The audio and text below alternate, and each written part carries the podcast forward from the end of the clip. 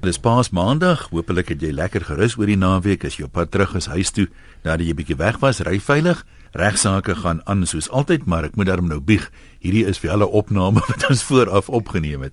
Ignas Paasmaandag het ons 'n spesiale onderwerp vandag of gaan ons maar aan soos gewoonlik? Ja, baie spesiale onderwerp. Goeiemôre luisteraars. Uh, ek hoop jy het 'n aangename Paasmaandag of uh, Menseregte Dag en toe ons het destyds ook opstanningsdag genoem. Ja, ja. So volg daarvan vir al wat ek gedink is baie gepas.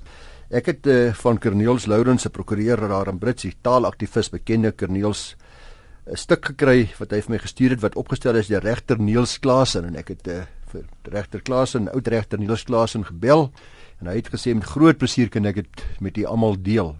Dis 'n stuk oor die Joodse en Romeinse verhore van Jesus Christus en 'n uh, eh, die vraag of hy 'n billike verhoor gehad het en 'n bietjie agtergrond en 'n bietjie die regsposisie en dis vir my 'n baie baie oulike stuk en ek hoop jy gaan dit net so geniet.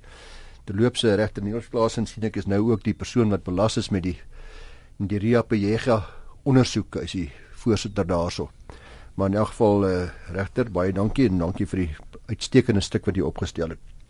Het Jesus 'n billike verhoor gehad vanuit 'n Christelike perspektief? Is 'n billike verhoor soos volg deur William Temple, aartsbiskop van Kantelberg. Beskryf nou is natuurlik vandag nog op ons almal van toepassing vir enige verhoor. Ek haal aan, hy sê love finds its primary expression through justice, which means in practice that a each side should state its case as strongly as it can. B before an impartial tribunal, C with determination to accept the award of the tribunal That puts both parties on equal level and is to that extent in accordance with the command, those shall love thy neighbor as thyself. Dis nou die aartsbisschop van Kantelberg. Nou het Jesus se verhoorde aan hierdie Bybelse vereiste vir 'n billike verhoor voldoen. Ten opsigte van tempel se vereistes kan die volgende opgemerk word. Jesus het nie sy saak kon voorberei en stel nie. 2. Beide die Joodse en die Romeinse regbanke was bevooroordeel en nie onafhanklik nie. En dan derdens, die Joodse aanklaers het nie die bevinding van onskuld uitgespreek deur die Romeinse hof aanvaar nie. Nou dan 'n bietjie van 'n regsagtergrond en ek wil dadelik net sê dat as gevolg van die tyd van hierdie program, uh, die lengte van die program, gaan ek groot dele ongelukkig uithaal en ek hoop die regter Klaas ons sal my daarvoor vergewe, maar ons moet dan binne die tyd probeer hou. Die regsagtergrond sê tydens Jesus se verhoor was die Romeinse ryk reeds plus plus minus 700 jaar oud. Palestina was deel van hierdie ryk met die gevolg dat daar in Jerusalem twee regstelsels gefunksioneer het. Soortgelyk aan die situasie in Suid-Afrika waar beide die Romeins-Hollandse reg en die inheemse gewoontereg erken word. Dis nou die inheemse gewoontereg se Lebola, inheemse huwelike ensovoorts. Nou die vroegste kodifikasie van die Romeinse reg is in die 12 tafels, ongeveer 540 jaar voor Christus opgeteken. Dis gedoen op aandrang van die plebeiers om beskerming te verkry teen die magistrate, die praetore, uh, wat die pat, wat die patriciërs uh, wat uit patriciërs aangestel is, is die hoër stand. Die patriciërs was die hoër stand en plebeiers die laer stand. En om 'n mate van regsekerheid vandaan kom. Pleb vandaan kom, ja. Uh en om 'n mate van regsekerheid te bewerkstellig. Die 12 tafels erken die misdade van hoogverraad dis die voorloper van 'n hele aantal mindere oortredinge wat saam as oproer of sedisie ook geskaar kan word, dan ook tempelskending. Dis die misdade wat dan in die 12 tafels baie duidelik uitgespel word. Gedurende die republikeinse hoogtepunt van die Romeinse ryk is die reg verder opgeteken in sekere wette waarin hierdie misdade verder omskryf is. Nou wat is die vereistes vir 'n geldige Romeins regtelike kriminele verhoor? Destyds was daar nie Romeinse publieke aanklaers wat misdade in die howe vervolg het nie die persoon teen wie die misdaad gepleeg is, dis met ander woorde die klaar. Hy moes die beskuldigde self arresteer en voor die hof bring. Dis baie iets wat ons nou vandag het Ian private vervolging. Jy hoef nie self te arresteer nie, maar jy kan privaat vervolg dan moet jy self die vervolging instel. Uh in die hof was die voorsittende beampte die magistraat of praetor wat eers 'n voorlopige ondersoek gehou het om vas te stel of daar inderdaad 'n saak is om aan te hoor en indien wel het hy die saak dan na 'n judex of 'n regter verwys wat nie 'n regsgeleerde was nie, maar wel 'n prominente gesiene leek, 'n persoon van aansien met ander woorde in die gemeenskap. Die Joodse vereistes vir 'n billike verhoor, ons het nou gehoor wat die vereistes was vir 'n geldige Romeins regtelike verhoor, wat het die Jode gesê? Die Joodse Mishnah is die oudste gesaghebbende kodifikasie van Joodse wette sedert 540 voor Christus. Dis oor 'n tydperk van 2 eeue saamgestel. Dis 'n dokument wat uit 6 dele bestaan, waarvan die 4de verband hou met verhore. Alhoewel die Jode onder Romeinse gesag gestaan het, het hulle wel hulle eie hofsaake aangehoor. Hierdie regsbevoegdheid rus by die Joodse Raad of Sanhedrin wat uit die owerpriester, ouderlinge en skrifgeleerdes, 71 in totaal was hulle gewees, bestaan het. Die verhoor van 'n halsmisdaad, met ander woorde 'n trial for life, uh, wat jou lewe kon kos, het nie dikwels voorgekom nie. Indien die doodstraf opgelê is, kon dit slegs na bekragtiging deur die Romeinse goewerneur voltrek word. Appel teen 'n skuldbevinding en vonnis kon na die keiser in sommige gevalle aangeteken word. Daar was besondere streng voorgeskrewe reëls waaraan voldoen moes word. Die hof het kennis geneem van drie soorte getuies. Dit is nog interessant. Dis nou soos die Romeine dit opgeteken het ydelle of grootpraterige getuienis wat as wareloos beskou is. Dis hierdie breedsprakige slim mense. ja. Ydelle of grootpraterige getuienis wat as wareloos beskou is, dan tweedens getuienis van 'n ernstige aard wat voorlopig aanvaarbaar was tot nadere ondersoek. Anderswoorde ons praat van ons hedendaagse prima facie getuienis. Dit klink goed op die oog af. Uh, derdens afdoende getuienis waar twee of meer getuies se getuienis in alle materiële opsigte ooreenstem want in die mond van die twee getuies staan dit vas. Dis nou stawend. Dis stawend. Uh, al hierdie prosedure reëls het deur die eeue heen ontstaan met die doel om regsekerheid en regspraak deur 'n onpartydige en onafhanklike regbank daar te stel. Aldus is beskerming aan die beskuldigde verleen. Dit is altyd vir my wonderlik om te sien hoe waar ons regstelsel vandaan kom, hoe, hoe hoe ver ingewortel dit, diep ingewortel dit al is. Nou kyk ons na die klagtes teen Jesus Christus. Verskeie klagtes is gedurende die verhoor voor die Joodse Raad en voor Pilatus teen Jesus aangebring. Die klagtes kan saamgegroepeer word as volg: 1. Hy het gedreig om die tempel te vernietig en dit binne 3 dae weer op te bou. Is dit towery of poging tot tempelskending? Dis wat die twee moontlike klagtes, towery of tempelskending. Tweedens, hy het beweer dat hy is die seun van God. Godslastering dalk. 3. Hy het die volk teen die keiser opgesweep deur onder andere mense aan te moedig om nie belasting aan die keiser te betaal nie. Sedisie of opreiery. Nou klagtens 1 en 3 sê Niels Klaasen is oënskynlik vals. Ten opsigte van klagten 1 was sy werklike woorde Dis nou die een wat uit gedreig die tempel te vernietig en binne 3 dae weer op te bou. Sy werklike woorde was: "Breek hierdie tempel af en in 3 dae sal ek hom oprig." Dit is gesê na aanleiding van sy eie liggaam in hierdie tempel van Salomo nie. Ten opsigte van klagte 3, dis die een wat gesê het hy die volk teen die keiser opgesweep om nie belasting te betaal nie, was sy werklike woorde gee dan aan die keiser wat aan die keiser toe behoort en aan God wat aan God behoort. Voorts is die hele rede waarom Judas waarskynlik teen Jesus gedraai het, die feit dat Jesus juis nie die volk opgesweep het om die Romeinse oormag omver te werp nie. Sy vyande was juis nie die Romeine nie, maar die Joodse leiers wat hom as 'n bedreiging beskou het. Klagte 2, dis die een, hy's beweer hy's die seun van God. Dit uh, is korrek maar dit stel nie 'n misdaad daar nie, want identiteit is op sigself nie 'n misdaad nie. Iemand kan slegs aangekla word in opsig van sy dade. Ten opsigte van hierdie klag kan daar slegs twee moontlikhede wees. 1 of Jesus was mal om goddelike eienskappe aan homself toe te eien, in watter geval hy nie aan enige misdaad skuldig bevind kan word nie, want hy's mal, hy's gek. Of tweedens, hy was inderdaad die seun van God, in watter geval sy aanklaers of skuldigbevinders hulle self veroordeel het deur hom skuldig te bevind op grond van sy ware identiteit en dit kan nie 'n misdaad wees nie. Dan die verhoor voor die Joodse Raad. Die volgende onwettighede het plaasgevind. Eerstens, die tempelwag in plaas van die getuies wat as klaars opgetree het, het die beskuldigde gearresteer en na die hof gebring. Aan die ander woorde, die gewone reël was, die getuies, die persoon wat klaar hmm. moet self ombring. Twee, die arrestasie het in die nag in plaas van middags plaasgevind. Uh dit was ook 'n uh, reël wat arrestasies in die dag plaasvind. 3 Dis nogal vir my interessant. Ek wil nie te veel afdwaal nie, maar uh dat dit in die dag moet wees. Daar sou seker historiese redes voor gewees het. Ja, kyk, daar's 'n daar's 'n boek wat uh hy na verwys hierso uh regter Klasen van Bertelsmann en Bekink. Uh in tydskrif Hedendaagse Myns Hollandse Reg, 'n artikel 2000 in 2002 tydskrif waar hulle volledig met hierdie aspek gehandel het van die arrestasie wat in die nag plaasgevind het. Uh want hulle sê die oewers priesters en die skrifgeleerdes wou hom eintlik in die geheim om die lewe bring. Maar hulle kon dit nie reg kry nie. En hulle het dit toe om om toe om wettig laat vang, maar in die hoop dat hy of sy disippels met geweld die arrestasie sou teestaan. en dan word daar 'n ja, geveg sou ja, wees en hulle ja. weer 'n nuwe klagtes kon kry op die manier. Dit sou 'n verskoning gebied het aan hulle om uh, om hom te dood of die Romeinse swaardmag te kry om hulle dood te maak. Maar dit het toe nie gewerk nie want hy het toe nie teestand gebied nie.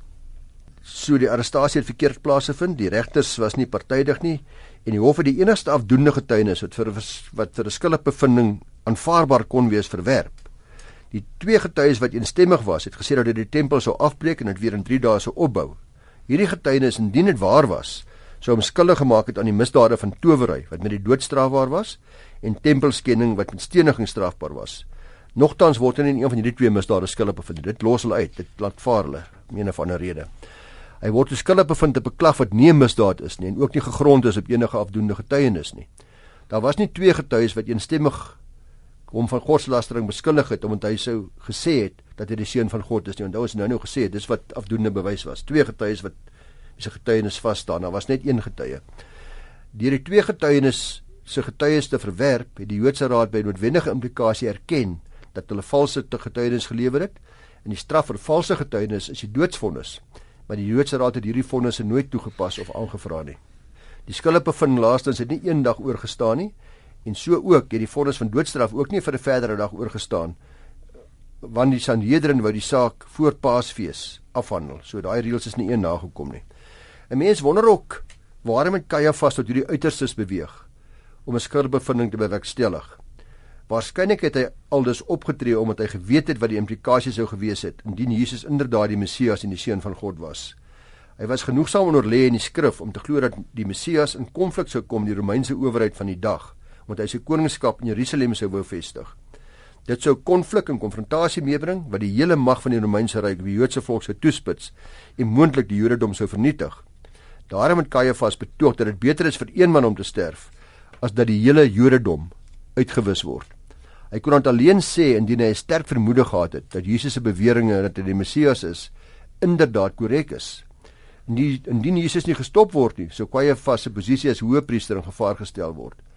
Sou die verskyning moes afstaan aan die timmerman van Nasaret enigste uitweg was dus om 'n skuldbevinding te bekom wat ook op 'n ondermyning van die Romeinse gesag neergekom het en sodoende die Romeinse hof te kry om die doodsvonnis te bekragtig. Dan kom ons by die verhoor voor Pontius Pilatus. Ons praat nie vandag oor gewone regsprobleme nie. Ignas besig om te kyk of Jesus wel 'n regverdige verhoor gehad het. Ja, dankie Ian en die persoon wat ons help om dit te doen is regter Niels Klasen en 'n stukkie wat hy vir my laat toekom het en wat ek nou uh, met u gaan ook verder hanteer. Ons het nou gekom tot by die vraag wat ons gevra het of die verhoor regverdig was en uh, die voor die Joodse raad en nou kom ons en, en toe die verhoor voor Pontius Pilatus en uh, wie was Pontius Pilatus? Uh, hy is na oorlewering in Spanje gebore. Hy was 'n soldaat in die Romeinse leer. Hy is aangestel as prokurator van Judea in 27 na Christus waar hy dan 10 jaar lank as gouverneur geregeer het. In die Romeinse kolonies het die prokurator die funksie van die praetor of magistraat vervul en hofsaake aangehoor. So hy was ook die magistraat, die landros in aanhalingstekens. As regerder was Pilatus 'n taktlose en genadeloose magsmisbruiker. Uh daar's talle voorbeelde wat hier gegee word deur uh, Josefus, die Joodse geskiedskrywer, Maar ek gaan dit nie nou met die wandel nie omdat tyd dit nie toelaat nie. Maar hy was nie bang om enige oproer kragtadig en gewelddadiglik te onderdruk nie, want hy was werklik 'n tiran. Daar's baie aanduidinge daarvan. Die verhoor voor Pilatus word bevestig deur die nie-Christelike Romeinse historikus Tacitus. Uh Pilatus se gedrag uh tydens die verhoor was blootreg in stryd met sy formele diktatoriale aard en karakter. Voorbeelde van hierdie teenstrydige gedrag is die volgende. Hy was baie tegemoetkomend teenoor die Jode deurdat hy om 6:00 die oggend die saak van Jesus ondersoek het en om hulle die Jode te akkommodeer op daardie tyd van die oggend uh, wat betref hulle feesdag wat daardie aand sou begin. Hy het die Jode verder tegemoet gekom deur die verhoor in die praetorium buite sy normale kwartiere in die pleis van Herodes te hou. Uh, Ekskuus, in die paleis van Herodes te hou sodat hulle hulle self nie so onrein maak deur die betreding van 'n heidense woning op die dag voor die fees sou begin nie. Normaalweg sou hy eers 'n voorondersoek moes hou en dan indien die saak meriete het, 'n judex aangestel het uh om die saak amptelik te bereg. Hy was bereid om afstand te doen van hierdie prosedure om die saak vinnig te besleg en die Jode tegemoet te kom. So duidelik nie homself nie. Hy kom nou almal tegemoet en hy's te oulik met almal en gaaf met almal en hy staan 6:00 die oggend op om te help ensovoorts. Nou watter afleiding moet uit hierdie eienaardige optrede van Pilatus gemaak word? Die enigste redelike afleiding was wat uit hierdie omstandighede gemaak kan word, is dat Pilatus vooraf gewaarsku is van die naderende hofsaak teen 'n prisonier wat op 'n doodstraf sou uitloop waarvoor die Jode sy bekragtiging sou verlang. Maar iets het skeef geloop. Uh, as die beskrywing van Johannes 18 vers 28 tot 34 en Lukas 23 vers 1 tot 5 en 13 tot 25 saamgelees word, blyk dit dat Pilatus nie genee was om die saak aan te hoor nie, dat hy alles in sy vermoë gedoen het om van die saak ontslae te raak. Eers wou hy hê dat hulle Jesus onder hulle eie wet moes veroordeel. Dis Johannes 18 vers 31. Daarna het die saak na Herodes verwys vir ondersoek. Dis in Lukas 23 vers 6 verder. Daarna het hy gesê dat hy Jesus sal gesel en dan sal loslaat. Lukas 23 ook. Daarna wou hy hom loslaat in gevolg van die gebruik om 'n prisonier op Paasfees los te laat. Dis Johannes 18 vers 39. Daarna vind hy Jesus onskuldig. Ondanks Jesus se bevestigende antwoord dat hy wel die koning is. Dis Johannes 18 vers 37 en Lukas 23 vers 3. Nou 'n praaitor wat eers baie tegemoetkomend is, en spoed eisend 6:00 in die oggend 'n saak aan te hoor en dan skielik begin hy klei trap. Weifelend begin hy klei trap. Dis baie vreemd. Waarom tree Pilatus so op? Enigste redelike verklaring van sy gedrag is te vind in die dringende boodskap wat sy vrou Claudia aan hom gestuur het. En die boodskap was dat hy niks met daardie onskuldige man te doen moet hê nie. Aangesien sy 'n vroeslike droom oor hom gehad het. Toe swaai hy om, besluit toe om nie die uitslag van die Joodse verhoor te bekragtig nie, maar om eers 'n regsgeldige voorverhoor te hou, soos wat van 'n behoorlike praaitor verwag word. Sy eerste vraag was dat hulle moet aandui watter klag teen hom ingebring word. Dis duidelik uit Johannes se weergawe van die gebeure dat hierdie vraag die Jode onverhoeds getrap betrap het. Hulle het verwag dat hy bloot die beskuldigbevindings sou bekragtig. Nou vra hy, skielik vra hy vra.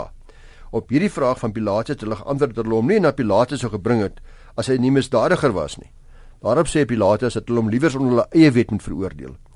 En mense verwag hulle daarop sou sê dat hulle hom reeds veroordeel het, maar dit sê hulle nie. Waarskynlik omdat hulle geweet het dat Pilatus reeds ingelig was en gaan hulle voorneme om Jesus skuldig te bevind omdat dit vooraf met hom gereël was. Daarna verklaar Pilatus vir Jesus 3 maal volgens Lukas en 2 maal volgens Johannes onskuldig. Wat het dan verder omgekeer veroorsaak sodat Pilatus tog uiteindelik vir Jesus skuldig bevind het? Sy swak karakter. Ons het nou nou al gesê hy was regtig nie 'n aangename persoon nie. In Johannes 19 vers 12 blyk dit dat die deurslag gegee is deur die vreesaanjaende woorde. As u hom loslaat, is u nie 'n vriend van die keiser nie. Elkeen wat homself as koning voordoen, is in verset teen die keiser.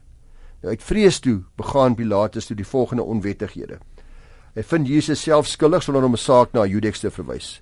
Hy laat hom gesel ondanks die feit dat hy onskuldig bevind het en vrygeskeld het. Dit kom neer op ernstige aandrang en grove misbruik van sy mag. Derdens, vind hom skuldig nadat hy hom reeds 'n paar keer onskuldig bevind het. Pilatus is dus nou regter en appelregter. Laastens begaan hy onwettigheid deur Jesus op 'n klag dat hy 'n koning is skuldig te bevind en vonnis hom daaroor met die doodstraf. Dis nie 'n misdaad nie en trouens op daardie enkele klag het hy homself in elk geval volkome verdedig. In Johannes 18 vers 36 en 37 sê Jesus uitdruklik dat hy koning is, maar dat sy koninkryk nie van hierdie wêreld is nie. En dat sy onderdane dus nie om sy vryheid sou veg nie voorsit hy homself volkome onderwerp aan Pilatus se gesag deur te sê dat hy vir hierdie proses gebore is en na die wêreld gekom het. Pilatus kon hom dus nie skuldig bevind as verset teen die keiser, sedisie of oproer nie. Is ook nie aangekla van tempelskending nie. Die klag dat hy gesê het hy was seun van God was ook nie 'n misdaad in die Romeinse reg waarvoor hy ter dood veroordeel kon word nie. Ironies genoeg erken Pilatus eintlik sy fout deur Jesus se sogenaamde misdaad op die kruis te beskryf as Jesus van Nasaret die koning van die Jode. Bertelsmann en Bekink beskryf die verhoor van voor Pilatus soos volg. Dis nou in die tydskrif vir Romeinse Hollandse reg. Die verhoor word 'n totale bespotting van enige regstelsel as 'n mens in aanmerking neem dat daar geen betoog aan die einde van die saak was nie. Dat die verhoor uitloop op 'n vonnis wat almal besef onregmatig is, waar die beskuldigde se uitoefening van die reg op stilswye hom verkwalik word waar 'n vonnis opgelê word sonder dat daar ooit 'n behoorlike skuldbevinding aan enige misdryf op rekord geplaas word nie. Dit blyk uit vermelde dat die menswaardigheid van Christus reg deur die proses geminig is, dat hy geboei voor sy regter moes verskyn, dat die oproeriges toegelaat is om op hom te skree, dat die gebeure mens net tot een gevolgtrekking laat kom. Pilatus het Christus nie verhoor nie, maar laat vermoor. Pilatus was wel 'n onwillige medewerker van die ander moordenaars, die skrifgeleerdes en hoëpriesters, wat homself uit angs en vrees vir sy eie posisie tot 'n werktuig van 'n polities gemotiveerde groepie opruiers en opgeruide gepepel gemaak. Jesus is dus nie tereggestel nie. Teregstelling veronderstel 'n billike regsproses. Jesus is vermoor. Dan die gevolgtrekking. Jesus is dus onwettiglik gearresteer, onwettiglik deur die Joodse raad verhoor en skuldig bevind en onwettiglik verhoor en skuldig bevind deur Pilatus aan iets wat nie 'n misdaad is nie. Wat egter van belang is dat hierdie onwettige regsprosesse bevestiging verleen vir die volgende. Eerstens, die afdoende getuienis van sy vyande voor die Joodse raad bevestig dat Jesus reeds voor sy dood melding gemaak het van die feit dat hy na 3 dae uit die dood sou opstaan. Tweedens dat Jesus homself as seun van God en die Messias verklaar het dat die Joodse raad sy vyande dit so verstaan het. Derdens sy profetiese beskrywing in die Ou Testament as koning van die Jode inderdaad in die regsproses voor Pilatus bevestig en bewys is en laastens dat hy vir ons 'n voorbeeld gestel het van hoe ons moet reageer as ons onregverdig behandel word. Iets wat die mense nogal opval, ek meen ons praat nou hier van meer as 2000 jaar gelede. Maar sou dit vandag afspeel, dan sal mense dit baie maklik as 'n voorbeeld aanhaal van kyk wat het van die ou wêreld geword, hoe dinge agteruit gegaan en weet as jy hierdie filosowe gaan lees, Cicero, die mense het al gepraat van in hulle tye, jong mense geen respek meer het vir ouer mense en die mense het nie meer waardes nie. So dit tref my altyd as ek van hierdie historiese goed hoor dat hoe meer dinge verander, hoe meer bly dit dieselfde. Die geskiedenis herhaal homself maar. Ek het ook gedink aan die aspekte hierso waar Bertelsmann en Bekink skryf dat anderwoorde 'n leier, iemand wat voorsit, wat voor staan, het uit angs en vrees vir sy eie posisie om tot werktuig gemaak van 'n groepie polities gemotiveerde groepie opruiers en opgeruide gepepel gemaak. Dit het mense 'n bietjie laat dink aan 'n paar dinge wat in Suid-Afrika gebeur het eh, in die onlangse verlede. Ek dink byvoorbeeld aan wat die twee dogters, die twee studente van Stellenbosch wat hulle moes deurmaak as gevolg van van dinge die, wat die blackface insident. Die blackface insident van opruiere en mense wat geskree en geraas en beklei daaroor en en toe uiteindelik amper veroordeel was sonder dat daar regtig behoorlike verhoor was. In indirek. Ja. En ja. daar's baie ander voorbeelde waar mense deesdae reg kry om met opruiere en lawaai en geraas mense te motiveer om eintlik te doen wat nie reg is nie en besluite te maak wat nie billik en regverdig is nie. Baie stof tot nadenke. Nou ek sê vir jou baie dankie. Vreedsame Paasnaweek verder ook vir die luisteraars vir al die op pad terug huis toe. Ry asseblief veilig. Baie dankie. Ons is volgende maandag terug met nog regsaake.